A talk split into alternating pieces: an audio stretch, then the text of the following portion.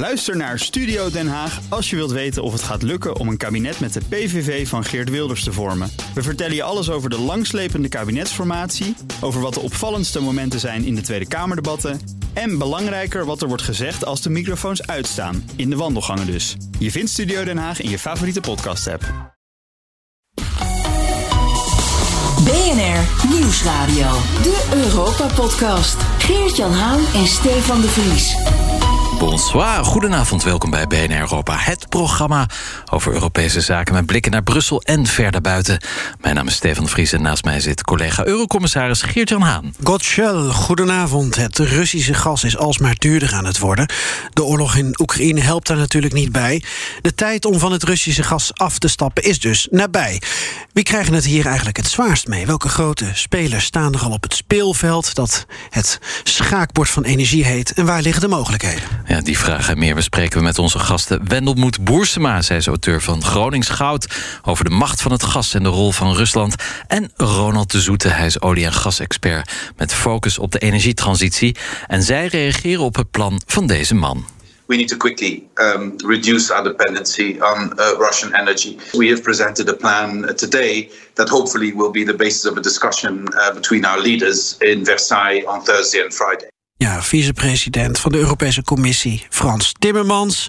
De commissie kwam deze week met een voorstel waarmee we in 2030 van het Russisch gas af zouden moeten zijn. Eigenlijk uh, was dat natuurlijk totaal onverwacht dat dat Ja. voorstel er kwam.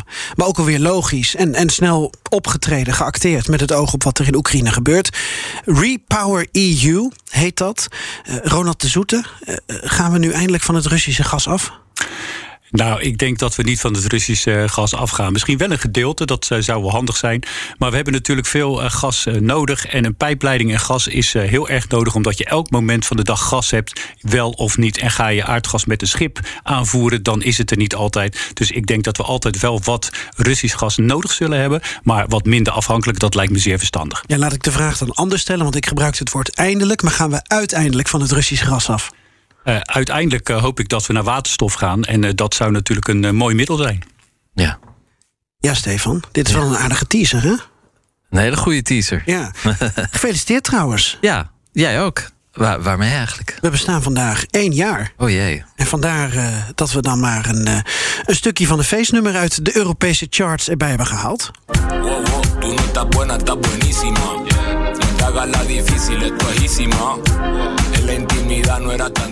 Nou, ik vind het nu al een knijter van een hit. Dit is iets zuidelijk Europees, denk ik, hè? Ja, dat klopt. Oké, okay, het is sowieso BNR Europa. En voordat we verder spreken over Russisch gas, gaan we op bezoek in Frankrijk. Net als premier Rutte en een hele zware Nederlandse delegatie. Ja, dat klopt. Het was eigenlijk meer dan een delegatie. Het was namelijk de eerste gezamenlijke ministerraad van Nederland en Frankrijk op het Élysée-paleis vanmiddag woensdag in Parijs. En dat was afgesproken eind augustus vorig jaar toen Rutte op bezoek ging bij zijn uh, ambtsgenoot, nou niet ambtsgenoot, maar zijn collega Emmanuel Macron. Goede buddies inmiddels in die vijf jaar dat uh, Macron daar nu zit. En ja, een van de afspraken toen was dat uh, Nederland en Frankrijk de banden zouden aanhalen. En het is bijzonder, want tot nu toe was er eigenlijk alleen een gezamenlijke ministerraad van uh, Duitsland. Al een jaar of dertig bestaat dat. Um, en nu dus ook met Nederland. En dat geeft een goed idee van de verhoudingen tussen de twee landen. Vanmiddag of vanmorgen uh, trapte Mark Rutte af met een speech op de Sciences Po. Uh, dat is een prestigieuze universiteit waar Macron ook gestudeerd heeft in Parijs. En laten we even luisteren wat hij daar zei. Ladies and gentlemen, the Russian invasion of Ukraine has plunged Europe into a new era of uncertainty. We don't know where Russia's aggression will end. And we don't know what the implications will be for our continent. But we must do everything we can to keep Europe's future in our own hands.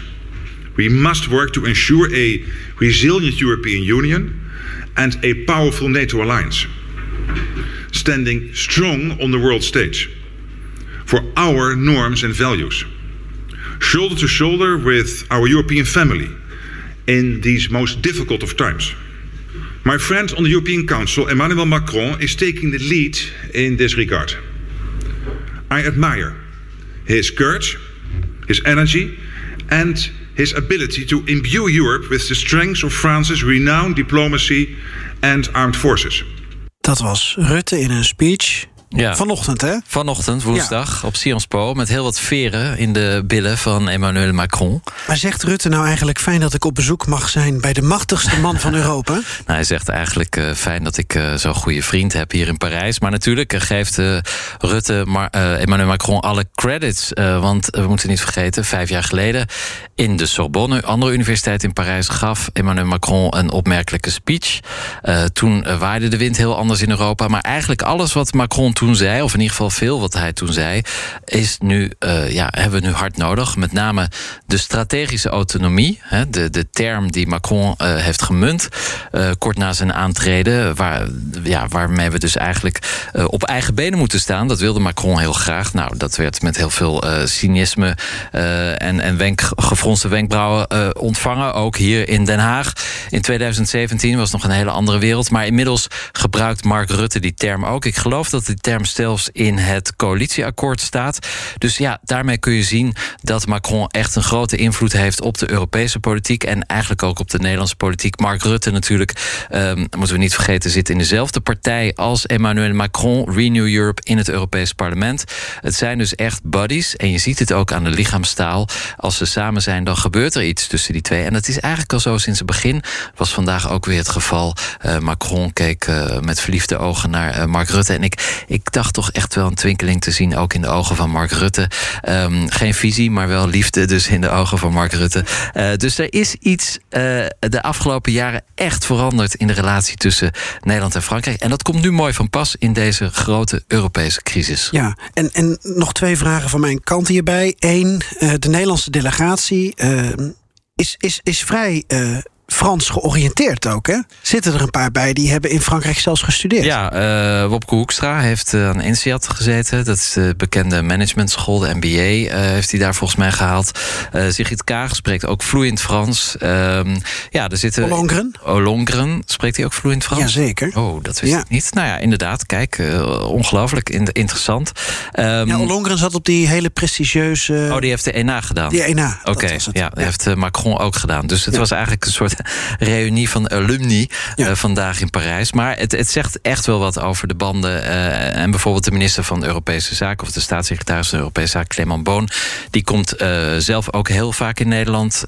Dit jaar, afgelopen zes maanden, is hij al drie keer geweest.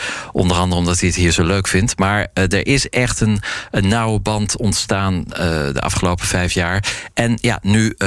Mark Rutte dus opnieuw premier is voor de komende. Nou ja, ik durf niet te zeggen hoe lang. Maar in ieder geval, de formatie is voorbij. Dus hij is nu gewoon premier.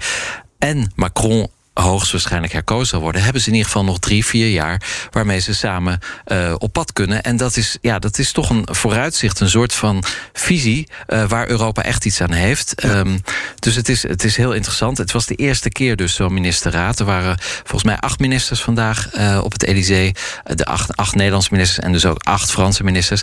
En het is de bedoeling dat die vergaderingen vaker gebeuren. Waarschijnlijk één of twee keer per jaar. Want dat doen we ook al met België en Duitsland, hè? Ja, ja. En, eh, en dan de ene keer in Parijs en de andere keer in, eh, in, in Den Haag waarschijnlijk. Eh, maar ja, het is, het is een, het is een teken dat Frankrijk Nederland zeer serieus neemt. En echt een, een stapje hoger Ja, in de verhouding. Want dat was mijn laatste vraag Ja. voordat we het gaan hebben over het eh, energiespeelveld in Europa. Ja. Hoe, hoe lees jij deze ontmoeting eh, van die delegaties, die zware delegaties, binnen eh, het hele Europese speelveld? Ja. Eh, betekent dit dat Macron inderdaad heel centraal nu staat in Europa? Betekent dit dat Rutte, nadat hij eerder Trudeau en Johnson heeft ontmoet, Mhm. oké, dat zijn geen Europese leiders, maar toch, nadat hij die heeft gesproken, dat Rutte ook opschuift in allerlei big orders? Betekent dit dat de libera- de liberalen de dienst in Europa aan het uitmaken zijn? Nou, eh, om met dat laatste te beginnen, maken de liberale dienst? Ja, in zekere zin wel. Het was natuurlijk jarenlang de, de Christen-Democraten. Nou, die, die, eh, ja, die zijn nog steeds wel de grootste partij, maar niet echt meer in het Europese parlement. Tenminste, ze zijn niet meer zo dominant. Ehm, dit is echt een interessante ontwikkeling. ehm, dat ten eerste Macron en Rutte dus van dezelfde stroming zijn. Al tenminste, als je met een vergrootglas kijkt zie je natuurlijk heel veel andere dingen. Frans liberalisme is niet hetzelfde als Nederlands liberalisme, maar toch. Um, en wat ook natuurlijk meespeelt is Brexit. Um, uh, Nederland wordt nu in de armen gedreven van Duitsland en Frankrijk. Uh, we kunnen niet meer tegen Groot-Brittannië aanschuren. Uh, maar tegelijkertijd is het ook een soort compromis tussen, tussen Frankrijk en Duitsland. Nederland neemt altijd een interessante positie in, zowel op economisch, sociaal uh, gebied, uh, maar ook als een soort van laboratorium. Ja. Um, vaak wat er hier gebeurt, gebeurt dan een paar jaar later in Europa. Dus uh, Nederland heeft echt een veel zwaardere rol gekregen dankzij Brexit, maar ook dankzij de goede persoonlijke verhouding dus tussen Mark Rutte en Emmanuel Macron. En dat zagen we vandaag terug in de optredens en de eerste ministerraad dus van de twee Nederland, van de regering van Nederland en Frankrijk. Ik denk dat dit het meest intieme moment was tussen Nederland en Frankrijk sinds Lodewijk Napoleon zei: Ik ben uw konijn. Eurocommissarissen Haan en de Vries houden de Brusselse zaken scherp in de gaten. Het is tijd voor de Europese Week, Geert-Jan.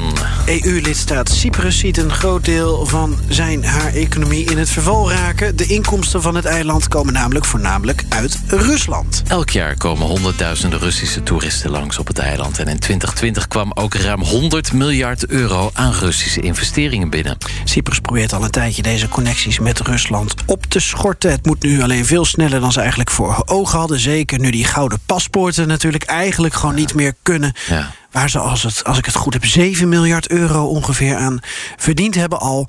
Ja, en de lidstaat staat dus nu voor een uitdaging. Hoe verder zonder roebels? Ja, ander nieuws hierover. President Xi Jinping van China wil samenwerken met de EU om vrede terug te brengen in Europa. In een gesprek met bondskanselier Olaf Scholz en president Emmanuel Macron zei uh, Xi Jinping dat hij de situatie in Europa betreurde. Nou, vind ik best goed verwoord. Hij wil internationaal coördineren over een vredig einde van deze oorlog. Ja, je maakt een grap over, maar het is inderdaad een interessante verwoording, want Rusland wordt niet gesteund. Hè? Dus ja, Xi Jinping en China lopen echt op eieren.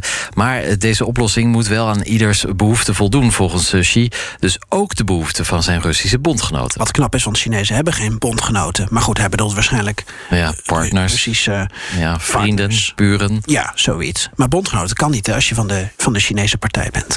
Uh, er komen vanuit Europa meer sancties voor uh, Russen, Rusland en Wit-Rusland. In Rusland worden er nog meer oligarchen aangepakt. En ook de maritieme branche in Rusland moet eraan geloven. In Belarus worden drie banken afgekapt van SWIFT. Een maatregel die eerder ook al getroffen is bij bijna alle Russische banken. Behalve de banken die belangrijk zijn voor onze gasleverantie en ja. uitbetalingen daarvan. En gas en olie, ook een hot topic. Sommige Europese landen willen er echt niet aan beginnen om er vanaf te stappen. De Verenigde Staten wel, het Verenigd Koninkrijk ook.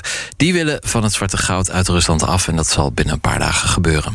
Tot slot, ik kreeg deze week wat vragen over hoe we nou precies uh, op het Europese continent met al die Oekraïnse vluchtelingen om zullen gaan. Ja, dat is misschien handig om even uit te leggen wat daarover in Brussel is besloten. Daar is het uh, tijdelijke beschermingsdirectief aangenomen. Um, en ja, dat is speciaal op maat gemaakt dus voor de stroomvluchtelingen uit Oekraïne. Ja, tijdelijke bescherming dus voor die mensen die dan naar de EU reizen. Daarmee is de Raad van de Europese Unie akkoord gegaan. De commissie zegt, ja, waarschijnlijk zo'n grote toestroom van mensen... dat heeft zo'n impact op de hele EU. Uh, niet alleen op de lidstaten die aan Oekraïne grenzen... dat we dus eigenlijk gezamenlijk dit directief uh, ja, wat doe je daarmee in werking moet laten treden. Ja, ja. Uh, en dat heeft dan ook weer um, uh, ja, te maken met garanties die je dan aan mensen uit Oekraïne kunt geven. Ja, het voordeel daarvan is natuurlijk dat die Oekraïners geen asiel hoeven aan te vragen.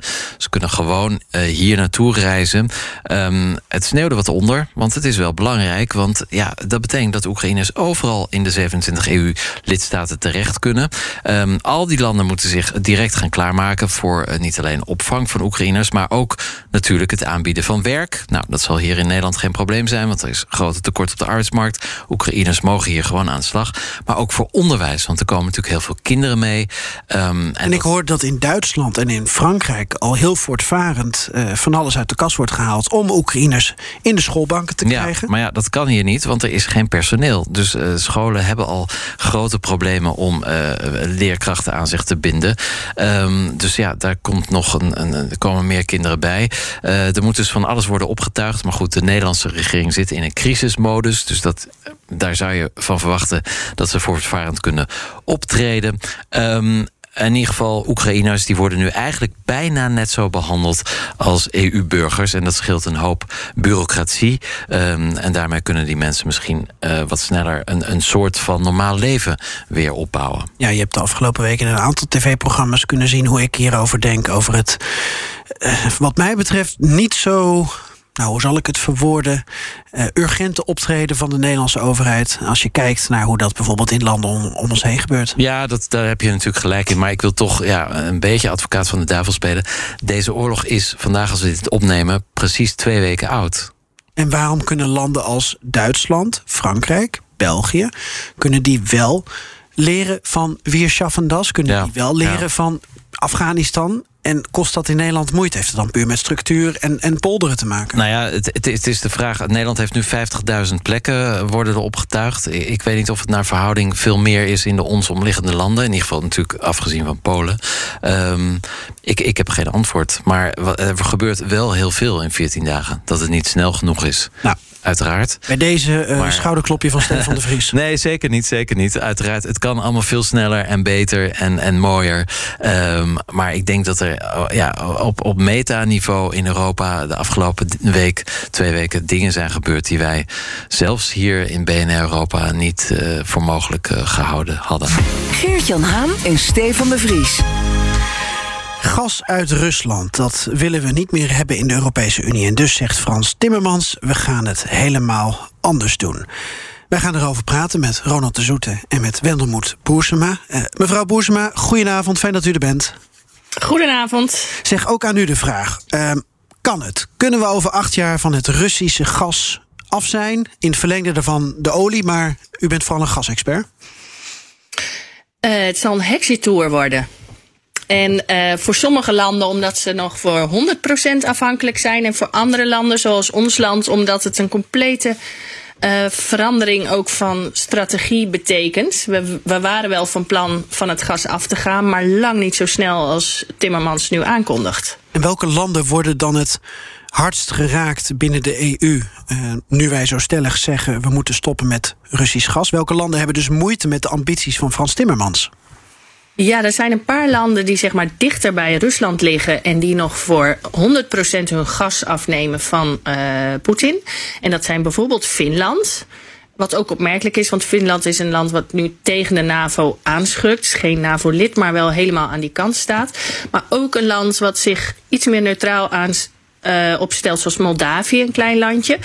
En uh, sommige Baltische staten nog, hoewel Litouwen zich wel een beetje ervan af heeft gekeerd. En eigenlijk ook de hele uh, Noordwest-Europese hoek. Eigenlijk alleen zie je in Zuid-Europa dat ze alternatieven hebben via pijpleidingen uit Noord-Afrika. Ja, dus de Fransen vinden het plan van Frans wel om over naar huis te schrijven. Ja, die hebben ook iets minder gas. Die hebben natuurlijk veel kernenergie. Maar voor Duitsland zal het bijvoorbeeld ook, uh, dat is toch uh, de economische grootmacht van Europa, die zijn voor meer dan de helft uh, gebruiken zij van hun gas uit Rusland. Ja, ik las ook Denemarken. Denemarken is zonder Russisch gas. Die zijn heel erg ver met de duurzame transitie. Ja, de, dus gaan wij of gaan de Duitsers dan nu aankloppen bij Denemarken? Uh, of, of gaan we wind- en zonne-energie uit uh, van het Iberisch Schiereiland halen? Ja, het zal een, uh, een combinatie worden van al die dingen. Omdat uh, in onze plannen om uh, om te schakelen naar duurzame transitie, net als het bij Duitsland, speelde eigenlijk dat gas tot voor kort een best wel grote rol. We zouden meer gaan importeren, omdat we dan de kernenergie en de kolen eerder vaarwel konden zeggen. Dan spreek ik even voor Nederland, maar ook voor Duitsland. Dus dat was de hele kern van Merkels energiewende. Mm -hmm. Dus voor ons zou die verhoging van de import zitten nu niet meer in. Of je moet dat gas uit alternatieve bronnen zoeken. Dus uh, de vloeibaar gas waar we zoveel over horen. Uh, dat is een hele kostbare optie. En het opschalen van uh, wind en zon, ja, dat, dat kan natuurlijk ook nog. Voor, vooral bijvoorbeeld voor de stroomproductie nog wel. Maar daar horen we bijvoorbeeld ook andere geluiden. Dat we dan uh, ons stroomnet goed moeten aanpassen. Ja, daar ben ik verder niet super expert in, maar uh, het lukt nooit eenzijdig. Het zal echt alle hens aan dek zijn en uh, de prijs is heel hoog. Ja, nou gelukkig hebben we wel een super expert hier uh, in de studio. Ja. Laten we even uitzoomen met Ronald de Zoete.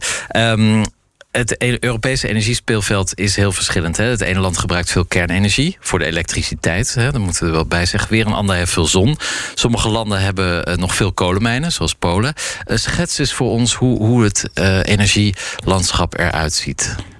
Nou, op dit uh, ogenblik uh, zijn we met z'n allen afhankelijk uh, van aardgas, hè, de meeste landen. we willen eigenlijk allemaal de kolencentrales dicht hebben. wat al gezegd werd, is dat bijvoorbeeld kernenergie in Engeland, in de VS, maar ook in Duitsland dus van groot belang is. het krachtenveld is zo ontstaan dat we de CO2 willen verlagen. Dat is afgesproken in het klimaatakkoord. Ja. En toen is het besef gekomen dat we snel af moesten van kolen. En ook eigenlijk van, uh, ja, van kernenergie. Maar die dingen rijmen niet zoals ja, de situatie nu is. En het krachtenveld wat nu ontstaat, is eigenlijk dat we een heel korte termijn uh, probleem, zeg maar, de inval van Rusland in de Oekraïne, ja, willen oplossen. En tegelijkertijd ook het klimaatakkoord wat gesloten is, wel willen nakomen. En dat is het echte spanningsveld wat nu ontstaat. Ja, en hoeveel, hoe belangrijk is gas in onze totale energiemix eigenlijk? Nou, voor ons in Nederland hè, wordt er 45% van het gas hè, zorgt voor de elektriciteit. Ja. Dus dat is best wel veel. Ja. We halen zo'n 19 miljard eh, kuub uit, eh, uit Rusland. Dat is ook veel. 40% van de EU hè, die gebruikt aardgas om energie te gebruiken. Dus aardgas is gewoon heel belangrijk ja, voor ons. Voor de elektriciteit. Juist. Ja, precies. Um, en ja, wat zijn dan onze alternatieven eigenlijk? Als we straks Rusland uh, de wacht aan zeggen. Ja, dat is heel, een hele goede vraag. Maar eigenlijk de vraag ook daarachter natuurlijk is weer van... moeten we nou echt 100% van Rusland af? Ik denk we moeten wel minder afhankelijk worden. Mm -hmm. Dan kunnen we, zoals de vorige spreekster al zei... kunnen we gaan uh, bouwen op zee, meer windmolens. Maar we moeten al vijf keer zoveel bouwen. Dus we hebben daar alle uitdaging. We kunnen meer zon gebruiken op de daken. Maar ja. daar moeten we ook een factor 5 verhogen. Dus eigenlijk het enige alternatief wat ik zie is uh, of aardgas met CO2 ondergrondse opvang, zodat we de CO2-uitstoot wel verlagen. En anders is het gewoon kernenergie. Ja, ja. En, en, en gas, kunnen we dat nog ergens anders vandaan halen? Nou, uh, er zijn natuurlijk hele mooie politieke gesprekken nu bezig hè, met het Verre Oosten. Kunnen we alsjeblieft wat lenen? Tuurlijk, tuurlijk, kom langs, kom langs, we gaan jullie helpen. Maar tegelijkertijd, als je de kranten goed leest, heeft Quator al gezegd... we kunnen niet meer dan 10, 15 procent van onze contractuele verplichtingen aan jullie geven. Immers, in het Verre Oosten groeit de energiebehoefte het hardste de komende ja. jaren. Zij hebben heel veel aardgas nodig. En als wij ook nog eens daar aardgas vandaan gaan halen... heeft het maar één ding tot gevolg dat de aardgasprijzen nog verder gaan stijgen. Ja, en, en binnen de Europese Unie hebben we niks, behalve Groningen. Nou, we kunnen inderdaad in, uh, uit de Noordzee zijn er nog een paar miljarden ja. te halen. Er ligt nog 80 miljard onder de grond, maar dat duurt tot tussen de 1 en de 5 jaar. Groningen hebben we nu 11 miljard. En we mogen naar 12. En anders krijgen we misschien scheuren. Denk ik niet dat de, de mensen in Groningen daar erg gerust op zijn. Nee. Dus de alternatieven zijn, als we heel eerlijk zijn, best wel beperkt. Maar wat je schetst is dat we dus eigenlijk keuzes moeten maken. Vinden we nu het belangrijk om voet bij stuk te houden? Of vinden we milieu belangrijk? Of vinden we dus kernenergie belangrijk? En moeten we andere principes overboord gooien? Dat wordt een hele opgave. Nou ja, het, het verbaast me ook erg wat de Timmermans uh, nu zegt. Uh, dat we opeens uh, kolen ja, wel kunnen gebruiken en geen taboe meer is. Um, wat ik wel vind, is dat we moeten niet zwart-wit kijken. We moeten en zeg maar inzetten op aardgas en op ondergrondse CO2-opslag. En kernenergie en water. hydro noemen we dat. Zon en wind. Al die dingen samen kunnen ons helpen om zeker ook een stuk onafhankelijker te worden van Rusland. Ja, even naar Wendelmoed Boersma. U schreef een boek over onder andere Groningen.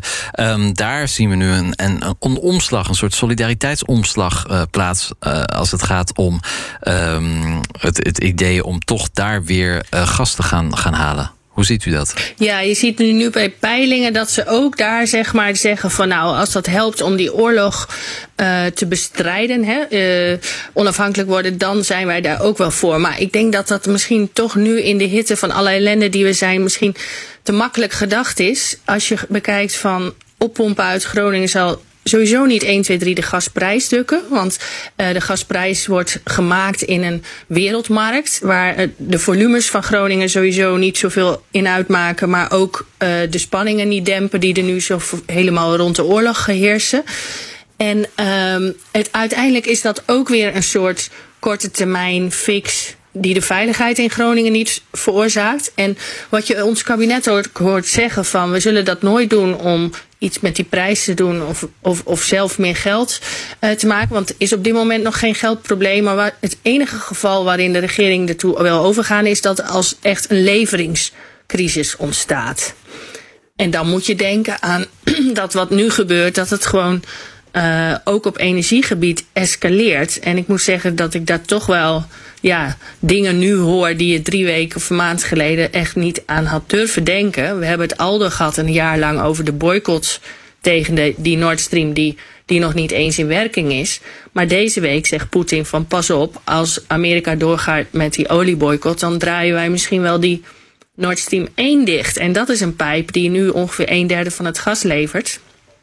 En dat is natuurlijk een dreigement wat we gewoon helemaal nog nooit hebben gehoord. Dus ook op dat energievlak zie je echt een soort oorlogsescalatie in wat partijen bereid zijn te doen. Terwijl dat praktisch misschien nog wel veel ergere gevolgen heeft. Maar mevrouw Boersma, uh, premier Rutte en uh, bondskanselier Scholz... die hebben juist gezegd... ja, een Europese sanctie op uh, Russische olie, dat gaat ons te ver. Dus dat zou ja. wel een beetje flauw zijn van Alexander Novak in Rusland... om ja. te zeggen van, we draaien ook die oliekranen dicht. Dan moet je bij de Amerikanen zijn, hè? Ja, nou ja, dit is natuurlijk ook, als je het even politiek ziet, een, een, een typische uh, uh, zet van het Kremlin om uh, de partners tegen elkaar uit te spelen. Amerika heeft die boycott, maar hij treft in zijn antwoord, althans zijn dreigement in woorden, treft hij Europa. Dus dan ontstaat er discussie tussen Europa en VS. En dat is natuurlijk wat het Kremlin graag ziet. Ja, we praten straks in het podcastgedeelte uh, verder. Dan gaan we het ook even hebben over allerlei alternatieve vormen. Uh, en we gaan het ook hebben over wat volgens Timmermans belangrijk wordt. Dat is biogas. Uh, meneer De Zoete, heel kort, wat is dat?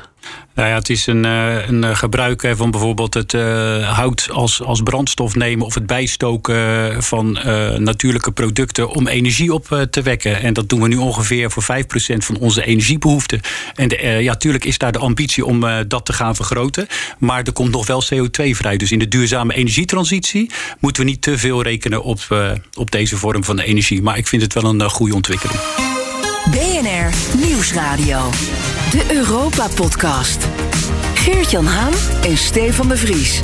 Je luistert nog steeds naar BNR Europa. We praten door met Wendelmoed Boersema, auteur van Gronings Goud... over de macht van het gas en de rol van Rusland. Zij is ook voormalig Rusland-correspondent. En hier in de studio Ronald de Zoete, olie- en gasexpert... met focus op de energietransitie. Nou, meneer de Zoete, die transitie die, die is er gekomen, hoor. Nou, die is denk ik wel aan het versnellen. Daar ben ik eigenlijk wel uh, blij om. Ja. Want dan heeft u meer werk, of hoe bedoelt u dat? Nou, ik denk dat uh, voor allemaal uh, goed is dat we richting de schone energie gaan. En uh, hoe duurder zeg maar, fossiele brandstof worden, hoe aantrekkelijker de alternatieven gaan worden. En ik denk dat er dus nu goed tijd wordt om na te denken hoe we dat landschap goed vorm gaan geven. Zodat we snel inderdaad richting die waterstofeconomie kunnen gaan. want het is natuurlijk nog niet betaalbaar waterstof.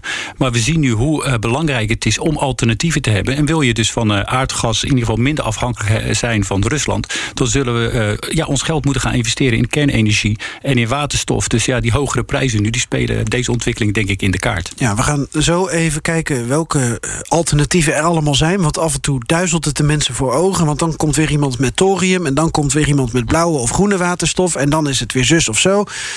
Stefan, uit welk vaatje wil jij nog even tappen? nou, laten we eens kijken naar de reacties in het Europese parlement deze week uh, over uh, de, de versnelling van de verduurzaming. Bas Eickhout in de Groene fractie namens GroenLinks is natuurlijk blij met het versneld uitvoeren van de Green Deal. Want ja, dat plan dat was er natuurlijk al. En daarom pleit hij voor een solide investeringsplan om dit te realiseren. En onze gast van vorige week, Rob Roos, die zit in de ECR-fractie namens Ja21, is bang dat dit ten koste gaat van de burgers. Hij wil juist meer inzetten op kolen en gas. En dat dat niet zo duurzaam is, ja, dat maakt voor hem op dit moment niet zoveel uit. Lid van de SND-fractie en uh, PvdA Mohammed Shahim... die twittert dat deze oorlog helaas nog duidelijker maakt... hoe noodzakelijk hernieuwbare energie is. Ja, dus uh, ja, wat mixed feelings in uh, het Europees Parlement. Maar geen onverwachte reacties. Over het algemeen toch wel, denk ik, tevredenheid. Ja, in het radiogedeelte hebben we het voornamelijk gehad over gas. Waar moet het vandaan komen? Kunnen we zonder? Ik ben eigenlijk dus wel benieuwd naar wat voor alternatieven er zijn. En vooral waar die mogelijkheden dan liggen. Uh, Ronald de Zoete. toen ik zelf een beetje ging tellen, kwam ik op, ik denk tien verschillende vormen van, van energie uit. Uh, maar misschien dat je ook wel dingen kunt categoriseren. Ik dacht aan zon, wind, kern, water. Uh, en dan heb je waterstof, maar ook van de waterkrachtcentrales natuurlijk. Uh, en ga zo maar door. wat hebben we allemaal? Ja, mijn insteek eigenlijk is heel simpel. Je hebt energie, die is er als we geluk hebben in de natuur. Dat is zon, hydro, water. dat, water is er bijna altijd, dat is fijn. Zon is er niet altijd, in ieder geval niet op onze breedtegraad. En wind, dat is maar een grote vraag. Daar hebben we de weersvoorspellers voor. Aan de andere kant heb je aardgas, 24-7 beschikbaar. Kernenergie, 24-7 beschikbaar. Zo kijk ik eigenlijk naar die energiemarkt. Ja, dus je zegt in Europa hebben we bijna alles behalve zon. Ja, we hebben wel wat zon, hè, maar de breedtegraad is eigenlijk niet gunstig. Dan kan je beter naar andere landen gaan. Dan kan je naar Australië, je kan naar het Midden-Oosten, je kunt naar Chili. Er zijn andere plekken zeg maar, waar dat waarschijnlijk goedkoper op te wekken is. Maar we hebben in ieder geval wel zon hier en we gebruiken het. En we hebben zonnepanelen op de daken in de weilanden. Dus dat is prima. Maar daarnaast eh, gokken we natuurlijk ook wel een beetje heel veel op windenergie. Mhm. En dat is eigenlijk wat we niet meer moeten gaan doen. Steeds meer wind bijbouwen. Want wat, wat introduceer je daarbij? Eh, onafhankelijkheid, of misschien wel afhankelijkheid, kan je zeggen, van de wind. Want als er geen wind is, dan moet je allemaal weer terug gaan vallen op die kolen en die gascentrales. Dus het lijkt erop, als je heel veel inzet op wind, op dit ogenblik, mhm. dat je heel veel extra capaciteit aan het opwekken mhm. bent. Maar het kan zomaar weer wegvallen. En dan heb je al die backup centrales nog steeds nodig. Is het dan ook een goed idee om tegelijkertijd te investeren in bijvoorbeeld batterijen, waarin je die elektriciteit kunt opslaan? Want daar hoor ik eigenlijk niks over in deze. Dat is eigenlijk ook uh, wat ik uh, graag had willen en ga, nu ook gaan vertellen. Is oh, dat, sorry. dat je bent me voor eigenlijk. sorry. Ja, maar ik, denk, ik, kom daar even met een, ik kom daar even met een statement zeg. Nee. Ja, nou, ik dacht uh, het ei van Columbus. Ja, maar ik denk dat inderdaad wat er moet gaan gebeuren. Hè, is, is, we hebben dat gezien met de windmolens. Dat moet je eerst, eerst subsidiëren. En vervolgens kan je naar twee, drie windparken. Kan je eigenlijk zonder subsidie en wordt het zeg maar competitief. Ja. En dat is met batterijen denk ik ook zo. We hebben natuurlijk de huisbatterij. Uh, daar zijn een paar voorbeelden van. Dat kost 5 tot 7000 euro. Maar wat we nodig hebben is grote batterijen die zeg maar uh, op kunnen slaan voor de industrie. En één hele nieuwe ontwikkeling is daarbij de flow-batterijen. Ik ga er nu even niet helemaal uh, in detail op, maar dat zijn eigenlijk hele grote tanks. Lekker, ja, heel grote tanks hè, met vloeistof. Ja. Je gaat ze combineren, membraan. En op commando krijg je heel veel energie. En wat ik graag zou willen zien, dat heb ik nu eigenlijk nog weinig gehoord, is dat er meer subsidies vrijkomen. A voor de ontwikkeling van batterijen voor industrieel gebruik. En B, uh, voor kernenergie de nieuwe generatie 3 en 4 generatoren. Want ik denk als we daarheen gaan, dat we er veel sneller komen. Met corona hebben we het gezien. Veel slimme mensen en geld brengt heel snel goed resultaat. Ja, en toch denk ik over uh, windmolens. Er zijn een paar landen die er wel degelijk wat aan hebben. Dus wat kan het kwaad om daar dan toch in te investeren. Het kan ook NN zijn. Helemaal. Zeker nu je ziet eh, wat we van plan zijn met uh, het tempo om van het Russisch gas af te gaan. Uh, Zolang er geen batterijen zijn, zie ik windenergie gewoon als een mooie extra. Mhm. Als het waait, hebben we extra energie. Maar het wordt alleen maar succesvol als we het of in batterijen kunnen opslaan, of in de vorm van waterstof, die dan vervolgens ondergronds in oude gasvelden wordt opgeslagen. Dan heb je eigenlijk een soort batterij. En op het moment dat je dan elektriciteit nodig hebt, dan kun je die waterstof weer omzetten in elektriciteit. Dus of batterijen of in de vorm van waterstof. Dus dan zouden de, de windmolens zouden gebruikt kunnen worden voor het opwekken van waterstof. Ja, het mooie is namelijk dat er momenten zijn dat we eigenlijk veel te veel wind- en zonne-energie hebben. Eigenlijk is dan de waarde van elektriciteit dan bijna nul. En die kan je dan prachtig met een hele lage kostprijs omzetten in waterstof, omslaan en vervolgens elektriciteit van maken. Ja, dat is eigenlijk een, een plaatje wat iedereen wil zien. Maar gebeurt het al ergens? Ja, het uh, Heidon-project bijvoorbeeld op de Noordzee, daar wordt uh, al zeg maar bij de windmolens wordt al meteen groene waterstof gemaakt. Dus de pilot plans hè, en de pilot die is er. En nu moeten we kijken naar ervaring en kennis hoe kunnen we dat op gaan schalen, zodat we straks met uh, een relatief lage prijs ervoor kunnen zorgen dat we straks groene waterstof hebben. Ja, we gaan zo nog even weer uh, terug naar gas. Uh, maar nog één vraag. Ehm, ik heb soms de indruk, meneer De Zoete, dat Europarlementariërs die wij spreken wel kaas hebben gegeten van deze thema's. die, die hebben een idee bij waterstof. Mohammed Shahim die kan de oren van je hoofd praten over wat hij er allemaal wel niet in ziet. En zo zijn er meer waarvan ik eh, weet dat, ja, dat ze dat allemaal snappen of heel graag willen begrijpen. Heb je de indruk dat in nationale parlementen eh, die kennis wat minder aanwezig is? Goed, dat is een hele goede vraag waar je heel voorzichtig op moet antwoorden. Laat ik het zo zeggen. Ik denk dat bij menige uh, parlementariër de kennis van de praktische energiemarkten ontbreekt. En dat hebben we gezien aan Timmermans. Een jaar geleden zei hij: geen olie, geen gas, geen kolen, geen kernenergie Februari 2022. Het EU labelt kernenergie en gas groen. 180 graden omgedraaid. Timmermans was fel tegen kolencentrales. Dikke subsidies om de laatste kolencentrale te sluiten in Nederland. Vorige week kolen geen taboe. Ja. Dus wat dat betreft denk ik, kijk eerst even hoe de werkelijke markt in elkaar zit... met haar mogelijkheden en onmogelijkheden. En ga dan pas eh, de, de pijl trekken richting uh, toekomst. Maar het lijkt nu al erg populistisch. Oké, uh, mevrouw Boersma, u bent Ja. ook bekend in het Haagse. Toch even interessant Ja, ik- om op door te gaan? Zeker, want wat ik hoor, en dat vind ik super interessant hoor, al die technische mogelijkheden. En ehm, ik denk dat we dat ook zonder de oorlog in eh, Oekraïne, waren we misschien op al deze batterijsporen terechtgekomen en, en dat soort alternatieven. Maar wat ik eh, wel he- heel een probleem zie, is nu op de korte termijn die omslag. Wat nog bijvoorbeeld nog helemaal niet genoemd is, is besparen besparen en isoleren. En dat zal denk ik eh, nu allereerst de grootste krachtinspanning moeten zijn. Alleen al omdat het misschien heel erg noodzakelijk wordt op korte termijn. Omdat eh, gaskranen worden dichtgedraaid of de lever, eh, leveranties stoppen. Heeft Timmermans ook genoemd hè, als een van zijn prioriteiten. Ja, ja, nou ja, dat is natuurlijk ook eh, voor eh, nationale regeringen een enorme opgave. Als we zien hoe snel dat, of hoe traag dat tot nu toe is gegaan. Met het isoleren van hele wijken en dat ook van huis naar huis brengen.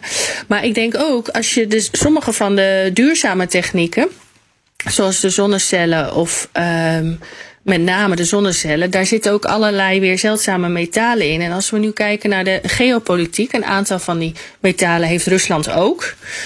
Ehm, maar als je ook kijkt naar de lange termijn strategie van China, die nou toch best wel in het Russische kamp is en die ook zeker zal profiteren van de terugtocht van westerse bedrijven uit Rusland, die zal daar dingen opkopen, maar niet alleen olie en gas, maar ook mijnen. En dat hebben ze natuurlijk in Afrika ook al heel lang gedaan.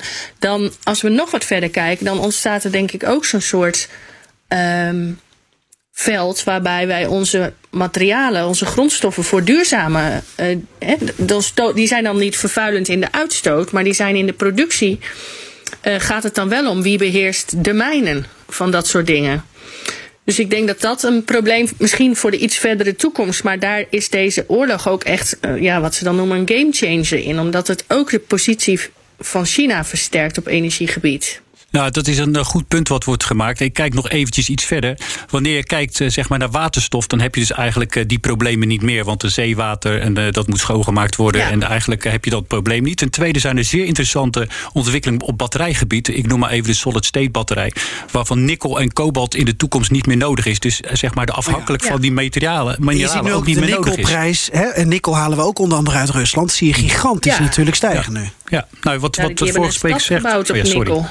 Ja. De stad gebouwd op nikkel. Oh ja, Norilsk Nou? Norilsk, Ja. Norilsk Nikkel, eh, dat grootste bedrijf daar waar volgens mij die oligarch Potanin zo rijk is van geworden. Ik ben geweest in die stad. Verschrikkelijk vuile Arctische poolstad. Eh, maar ja, de, zij, zij, zij hebben volgens mij een heel groot deel van de wereldreserves. Ja. Nou, dat Ja. is ook, het is ook niet voor niks hè, zeg maar, dat die ontwikkeling in het batterijgebied zo groot eh, is en zo snel gaat. Omdat iedereen ziet dat kobalt, lithium, nikkel, eh, ja, dat is schaars. En je hebt dan weer straks een machtsspelletje van wie de grondstof beheerst. Die beheerst zeg maar eh, weer het spelletje.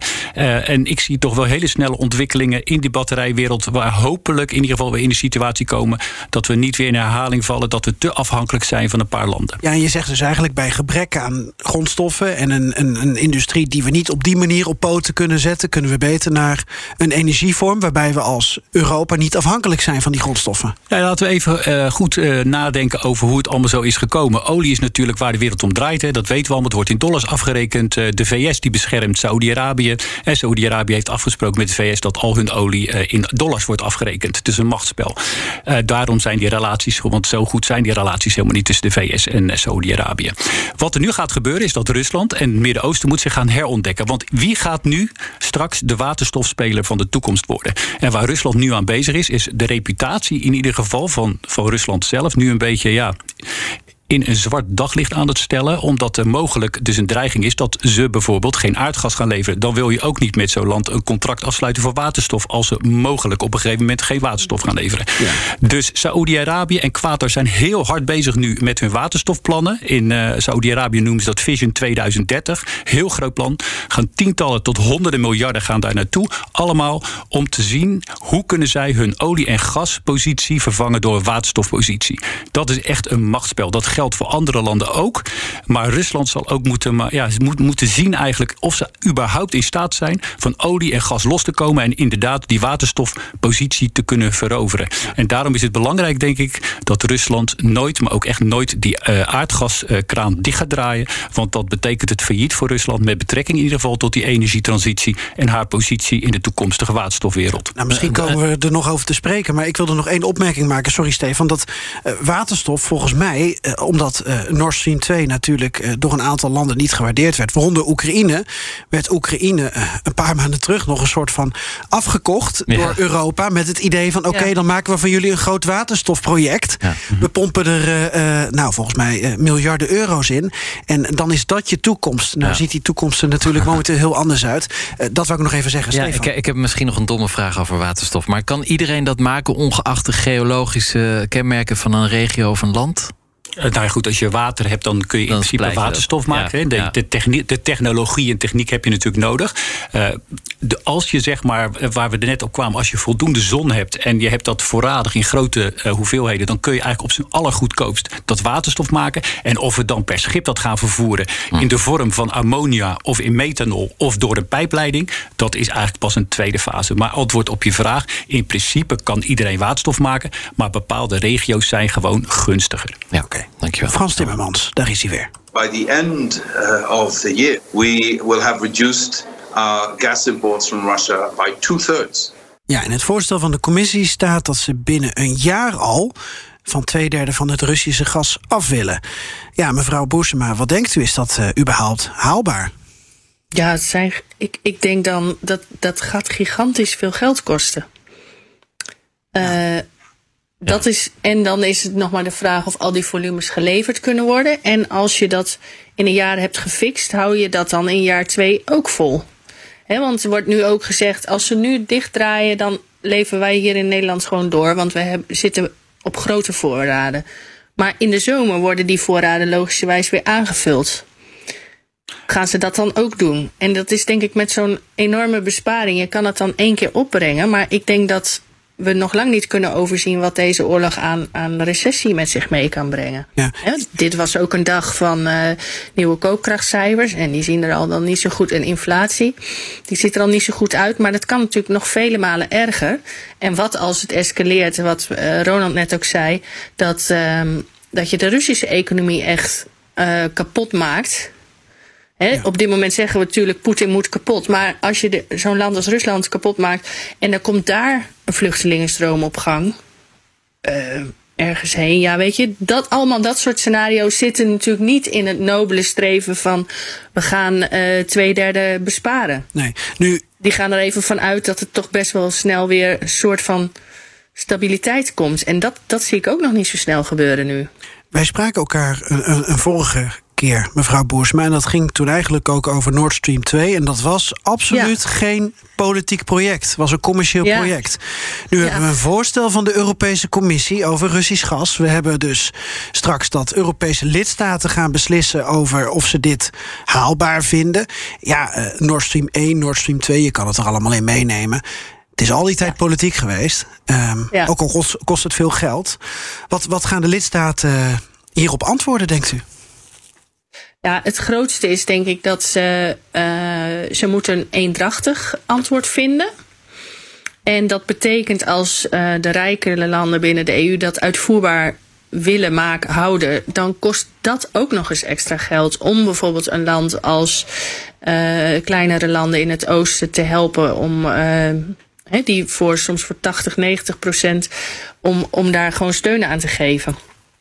Want anders hou je de rangen niet gesloten. Hè? Kijk, nu is op dit moment bijvoorbeeld iemand als Orbán, Honga Hongarije, die ook veel gas uit Rusland krijgt, die is, die is opmerkelijk genoeg best anti-Poetin nu. Maar blijft dat ook zo? Ja. Als het, als het hem ook zoveel geld kost. Ja. Dus En dat als, zijn als de allemaal Hongaarse vragen. verkiezingen zijn geweest. Ja, Ja, waarschijnlijk. Die nou ja, dat soort dingen. Kijk, dus de- ja. Je kunt natuurlijk op een briefje geven dat de eensgezindheid die we nu uitstralen op allerlei gebied. Eh, gaat eroderen. Naarmate de strijd langer duurt en het, de, de rekening oploopt.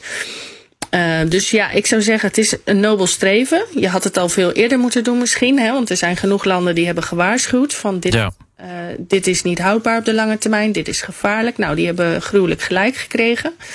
Ehm, we waren het op de lange termijn al van plan, maar we moeten nu wel een enorme krachttoer leveren die best een hoge prijs eh, kan hebben. We waren het op de lange termijn al van plan. Ehm, waarom heeft Duitsland dan Ja. toch Nord Stream 2 en ook Nederland trouwens eh, aan, aangelegd? Ja, dat is natuurlijk het verhaal dat zij eh, dachten we kunnen en-en doen.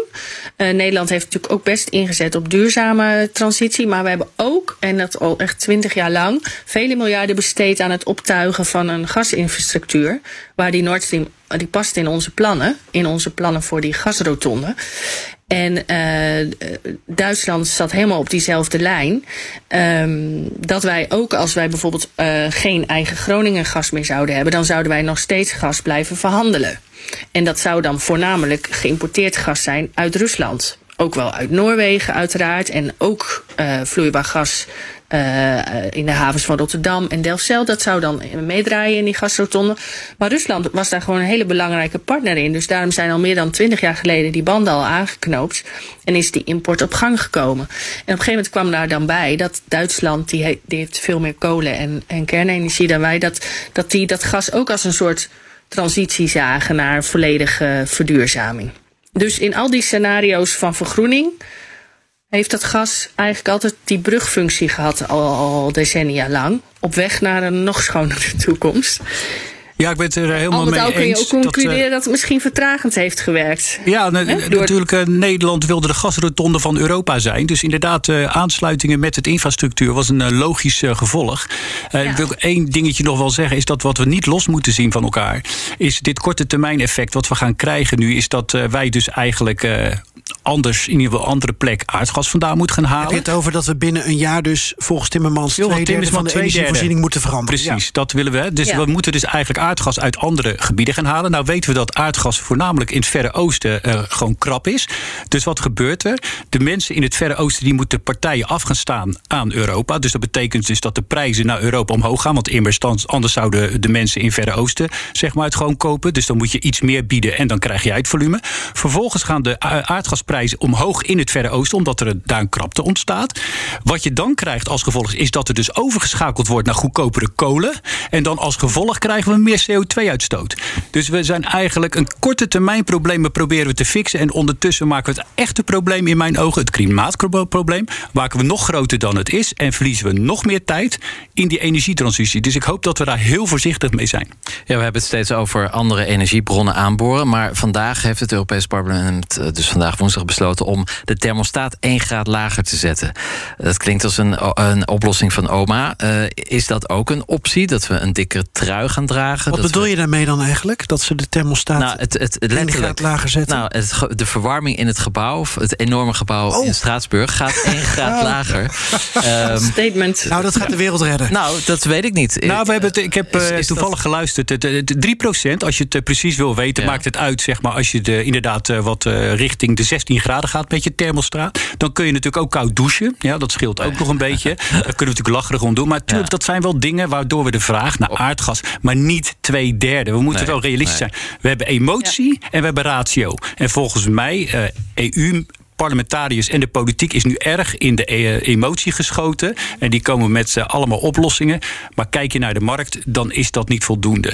Eh, willen we onafhankelijk worden van Rusland, dan zullen we in moeten zetten op waterstof, kernenergie. Eh, en dat zijn de echte oplossingen op de lange termijn. Maar op korte termijn zijn er weinig, heel weinig alternatieven om zeg maar echt afhankelijk, onafhankelijk te worden van Rusland. Dus laten we in ieder geval de emotie een beetje proberen Met die kernenergie heb ik dan nog wel vragen. Maar goed, dat is Ja. niet mijn specialisme, maar dat is meer politiek. Nou, vraagt u maar. Eh, dat duurt toch ontzettend lang. En ook als je het nu bekijkt met de geopolitiek, als je ziet wat. Dat die risico's zijn nog lang niet voorbij. Oekraïne is een land wat ook veel stroom uit kernenergie. en, en dan is er zo'n conflict in zo'n land. En dan zijn dat meteen een soort.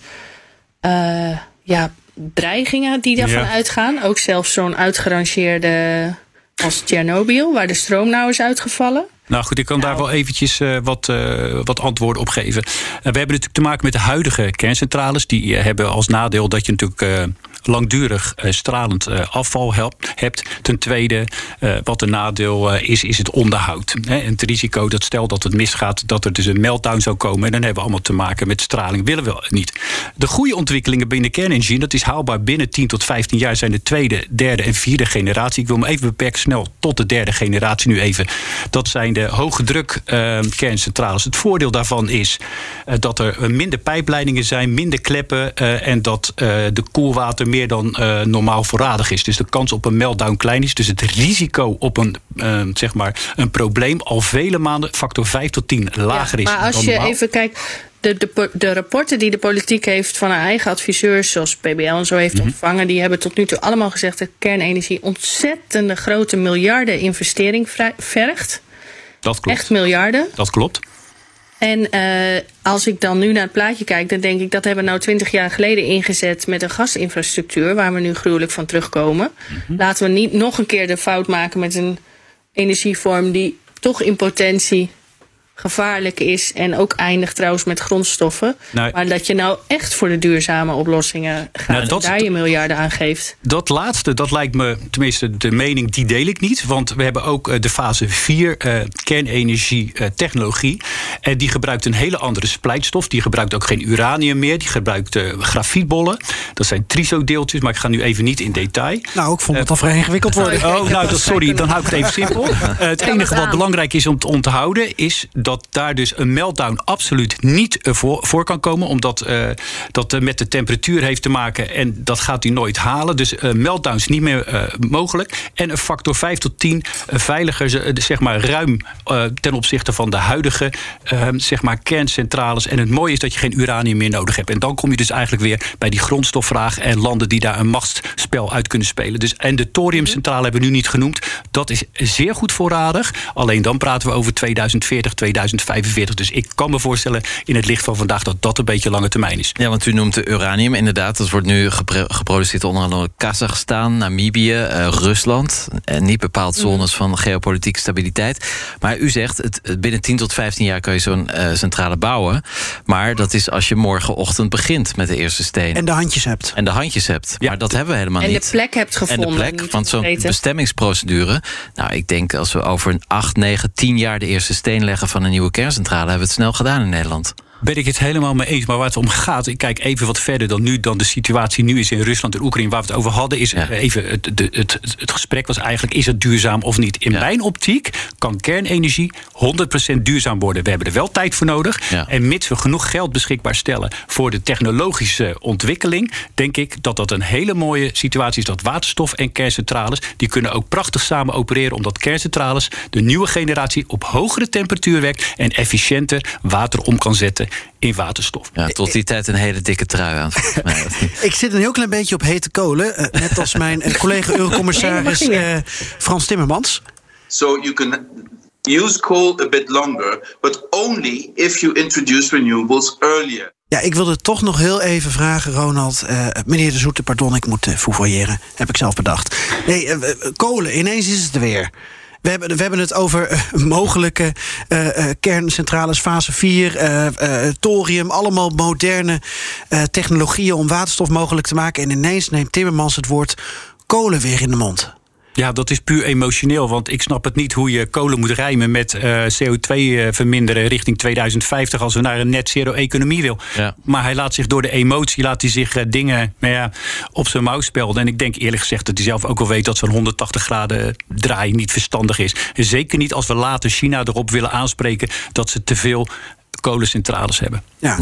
Tot slot, Wendelmoed Boersema. Uh, een boel geleerd, deze uitzending. Ook een heleboel bijgedragen, waarvoor dank natuurlijk. Hoe staat het met een, een volgend boek over Gronings gas en Russisch gas? Want alles wat u heeft opgeschreven is geschiedenis. Ja, het, was, het is natuurlijk een geschiedenisboek waardoor je het heden beter begrijpt. Maar ik ben het helemaal met je eens. De nieuwe hoofdstukken die uh, ontvouwen zich uh, voor mijn ogen. En, um, Komt er ja, een nieuwe versie dat, van het boek? Ja, daar, daar, ik kan daar zeker een nieuw hoofdstuk aan vastplakken. Wat ja. me altijd is De bijgebleven. hele voorgeschiedenis staat nog aan een, als een huis. En ik denk dat je ook dan in het boek dat je ziet hoe die vriendschap zo gegroeid is tussen eh, hè, de Nederlandse gaswereld en de Russische gaswereld. En dat tot, tot voor kort echt wel eh, de politieke beslissingen ook verklaarden. En dat, dat je ziet ook de worsteling die de EU nu heeft. Die is wel echt vanuit de geschiedenis te begrijpen. En, en wat me altijd is bijgebleven, en dat zorgt ook wel voor dat alles wat deze weken gebeurt. Nou ja, dat, alles wat deze weken gebeurt, dat hadden we niet voor mogelijk gehouden. Maar tegelijkertijd, wat u in uw boek schreef, namelijk Praagse lente 1968. Eh, protesten werden hardhandig neergeslagen. En, en sorry als ik de volgorde net verkeerd heb, maar tien dagen Ja. daarna Ja. werd Rusland aangesloten op eh, de Europese gasrotonde in Oostenrijk. Ja, de Dat was toch- de eerste leverantie aan het Westen. Ja, ja. dat geeft toch aan dat ook in dat soort tijden, of in dit soort tijden, eh, er toch wel weer dingen mogelijk zijn die we misschien niet helemaal rationeel Ja, nou snappen. ja, laten we niet vergeten dat we elke dag een paar honderd miljoen eh, kopen van de Russen. Ook op dag eh 13 van de oorlog, waar we inmiddels zijn. Of 14. Toch die dikke trui aan doen dan. Ja. Gebreid door een babushka. Of een, met een mooi motief, Russisch motief erop. Ja, dat kan ook inderdaad. Dank, Wendelmoed Boersema en eh, Ja, Ronald de. Zoete. Heel erg fijn dat jullie hierover wilden meepraten. En er komt vast wel weer een deel 2 van dit gesprek. Eigenlijk een deel 3. Denk het ook. Wendel moet Boersma hadden we al hè, vorig jaar over haar boek. Het, het kan niet een nog gekkere wending krijgen. We zullen zien. Wordt vervolgd in ieder geval. Dank jullie wel. De nummer 1 in. Wat gaan wij doen? We gaan even naar muziek luisteren, Gert-Jan. Cayó la noche, la nena me dijo que no tose, pues la puse a fumar. Y la prefiero a ella aunque tire en un par. Quiere repetir la noche de la que hablé la Dat het vrolijkste dat ik deze week heb gehoord. Ja, ik dacht, eh, we s- we staan één jaar, dus eh, vrolijke muziek. eh, deze week dus in Spanje, nummer 1. Iedereen gaat daar uit zijn dak op dit nummer. Cayo La Noche van Lampatera en Quevedo. Het duurt zeven minuten, dus je moet er echt even Echt voor gaan zitten... als je er veel van Is dit een soort. Paradise by the Dashboard Light? Ja, zoiets. Maar, maar dan natuurlijk veel, veel beter. Oké. Al onze nummer 1 staan in de playlist op Spotify. Even zoeken op BNR Europa nummer 1. En we zijn ook te bereiken per e-mail voor reacties op europa.bnr.nl... en natuurlijk via Twitter op @bnr Europa. Volgende week zijn we weer. Dan komen we vanwege de gemeenteraadsverkiezingen vanuit Maastricht... de meest Europese stad van Nederland. Vanuit de Dominicanen, de boekhandel. Publiek is daar welkom. Dus wie ons in het echt wil aanschouwen, die eh, mag langskomen. Geweldig. Ik heb er zin in, Stefan. Weet je al wat je gaat stemmen? Nee, eigenlijk nog niet. Ik had een voorkeur, maar die partij is een beetje... eh, nou, laten we zeggen, van het padje afgeraakt. Aito. À la prochaine.